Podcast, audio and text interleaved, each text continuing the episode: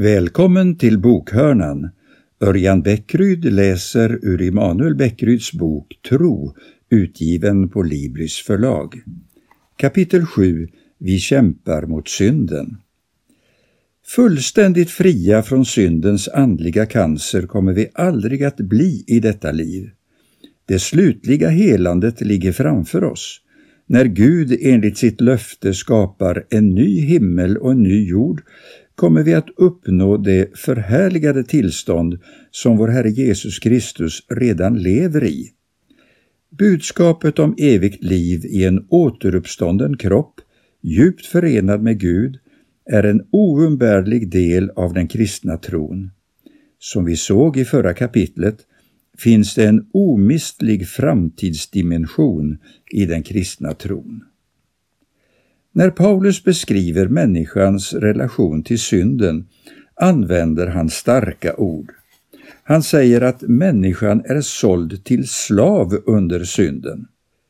Det är ett häpnadsväckande påstående. Under antiken var en slav helt utlämnad åt sin herres vilja. Herren kunde när som helst göra vad som helst med slaven. Enligt Bibeln är alltså synden inget vi kan behärska, utan det är tvärtom, den råder över oss. Det låter nästan på Paulus som om synden är en makt som lever sitt eget liv i människan. I ett berömt annat avsnitt skriver han Då är det inte längre jag som handlar, utan synden som bor i mig. Jag vet att det inte bor något gott i mig, det vill säga i min kötsliga natur. Viljan finns hos mig, men inte förmågan att göra det som är gott. Det goda som jag vill, det gör jag inte, men det onda som jag inte vill, det gör jag. Men om jag gör det jag inte vill, då är det inte längre jag som handlar, utan synden som bor i mig.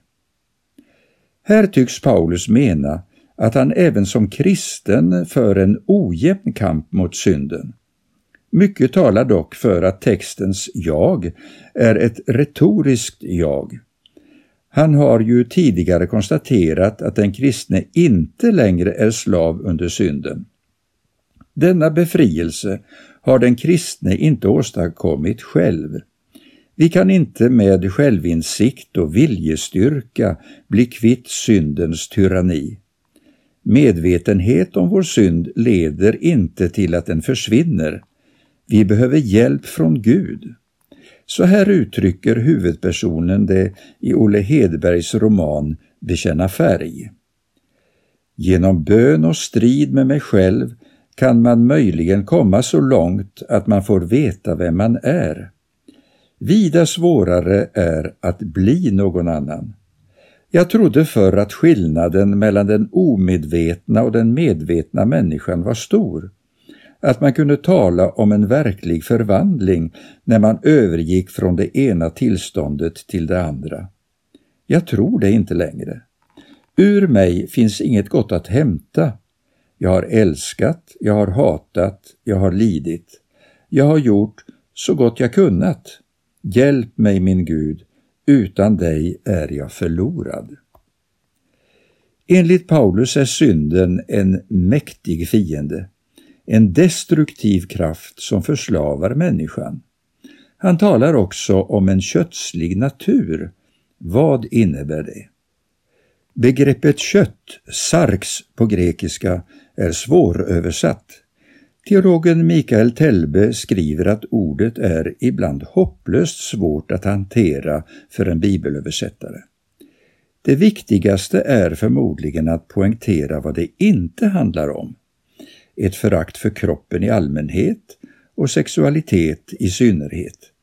Det ligger annars nära till hands för oss att göra den tolkningen. Och här är vi omedvetet påverkade av vår kultur. När Karlfeldt till exempel i en av sina dikter skriver att han har lärt sig rädas sitt eget kött mer än världens ondska och Satan själv, misstänker jag att han med kött menar frestelser av sexuell natur. I sammanhanget talar han nämligen om njutningens vinkande överflöd och skriver mot lustan jag kämpar mig trött. Detta är dock en felaktig tolkning av det bibliska begreppet kött. När Paulus beskriver vad köttet ger tar han visserligen upp otukt, men han tar i samma andetag upp fiendskap, strider, ofördragsamhet, vrede med mera. Att leva kötsligt är att leva på avstånd från Gud med ryggen mot honom. Köttet kan sägas vara en sammanfattande beteckning på det gamla sättet att leva, det gudsfrånvända livet. När man lever i synden lever man enligt köttet. För att tydliggöra detta har vissa översättningar syndig natur istället för köttet. Nackdelen med denna översättning är att man betonar en aspekt av köttet. Mångtydigheten i termen försvinner. Köttet får inte begränsas till att enbart handla om individens natur. Ordet har också en mer kosmisk innebörd. Den gamla tillvaron, köttets tidsålder, kontrasteras mot den nya tillvaron som kommit i och med Jesu död och uppståndelse och som förverkligas av Anden. Alternativet till att leva enligt köttet är alltså att leva enligt Anden. Det handlar om vilka toner som ljuder över våra liv. Hurudan är Andens melodi? När våra liv behärskas av Guds ande framträder kärlek, glädje, frid, tålamod, vänlighet, godhet, trofasthet, ödmjukhet och självbehärskning. Detta kallar Paulus för Andens frukt. När vi låter våra liv präglas av Anden växer denna vackra frukt fram i vår gemenskap. Andens frukt handlar inte i första hand om enskilda individers privatmoral utan om hur relationerna i en kristen församling ser ut. En församling som är medveten om Andens närvaro, som påverkas av Anden och låter sig ledas av Anden, kan inte se ut hur som helst. Till exempel handlar tålamod inte så mycket om en egenskap som gör det möjligt för en person att eh, sitta i timmar med ett avancerat pussel.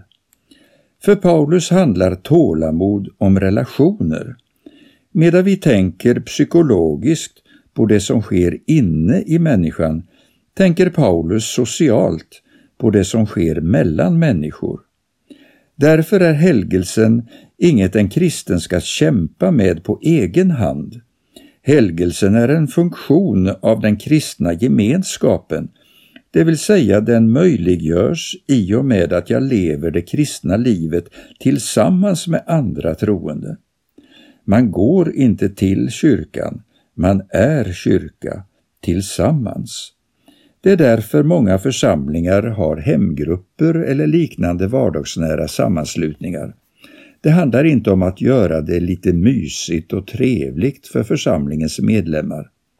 Hemgruppen har ett djupt teologiskt berättigande. Det faktum att ordet varandra återkommer över 50 gånger i Nya testamentet pekar på vikten av vardagsnära relationer i den kristna gemenskapen. I hemgruppen kan vi uppmuntra varandra till ett heligt liv, hjälpa varandra att vara lärjungar och tillsammans vandra vägen framåt.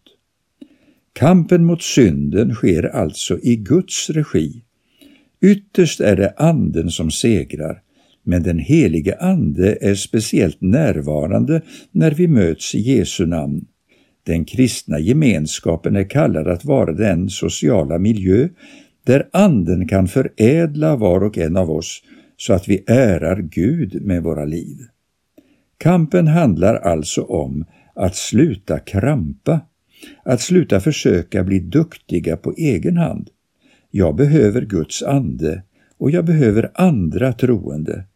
Det kristna livet är en gemensam kamp mot synden. Kapitel 8 Vi kämpar mot världen René Padilla skriver i sin bok Guds rike och kyrkans uppdrag. Människans problem i världen är inte bara att hon begår isolerade synder eller faller för frestelsen till speciella laster. Det är istället att hon är fängslad inom ett slutet system av uppror mot Gud. Församlingen har bara två saker att välja mellan i sitt möte med världen. Antingen anpassar den sig till världen eller också svarar den på evangeliet och kommer i konflikt med världen. Gregory Boyd säger också vår centrala uppgift är inte att lösa världens problem. Som ledare i en kristen församling brottas jag med frågan om vad kristet ledarskap är.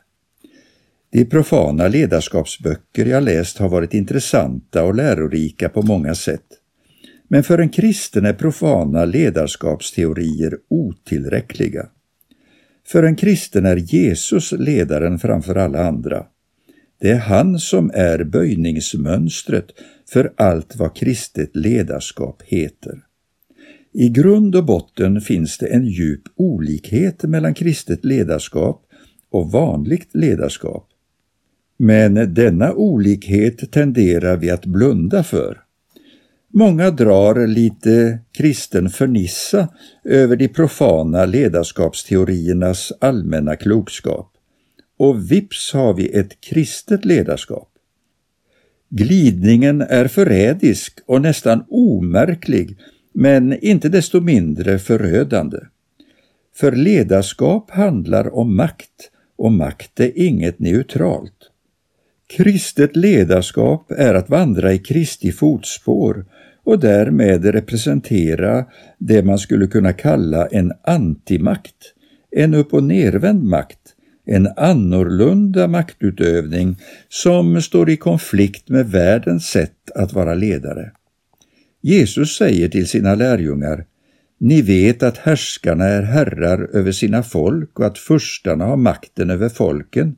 Men så är det inte hos er. Den som vill vara stor bland er ska vara den andres tjänare. Jesus pekar på ett grundläggande konfliktperspektiv. När vi nöjer oss med att kristna profant ledarskap med en liten dos evangelium finns maktproblemet kvar under ytan och då lever vi inte upp till Jesu ord, så är det inte hos er. Jag börjar detta kapitel med ledarskapsfrågan eftersom den illustrerar hur lätt det är för oss kristna att omedvetet ta upp världens värderingar och låta dem styra vårt handlande, trots våra goda avsikter. Men vad menas med världen? I förra kapitlet konstaterade vi att det kristna livet är en gemensam kamp mot synden. Vi ska nu fördjupa denna insikt genom att ta upp det bibliska begreppet värld.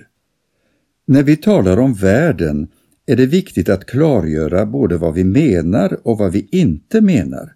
Vi måste skilja på två saker. För det första världen i vanlig bemärkelse det vill säga helheten av Guds skapelse, och för det andra världen i negativ bemärkelse.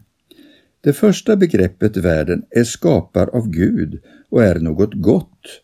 Det andra uttrycket för världen däremot är det gudsfientliga system som människan lever under sedan syndafallet, det vill säga de sociala strukturer som byggs upp av den fallna mänskligheten.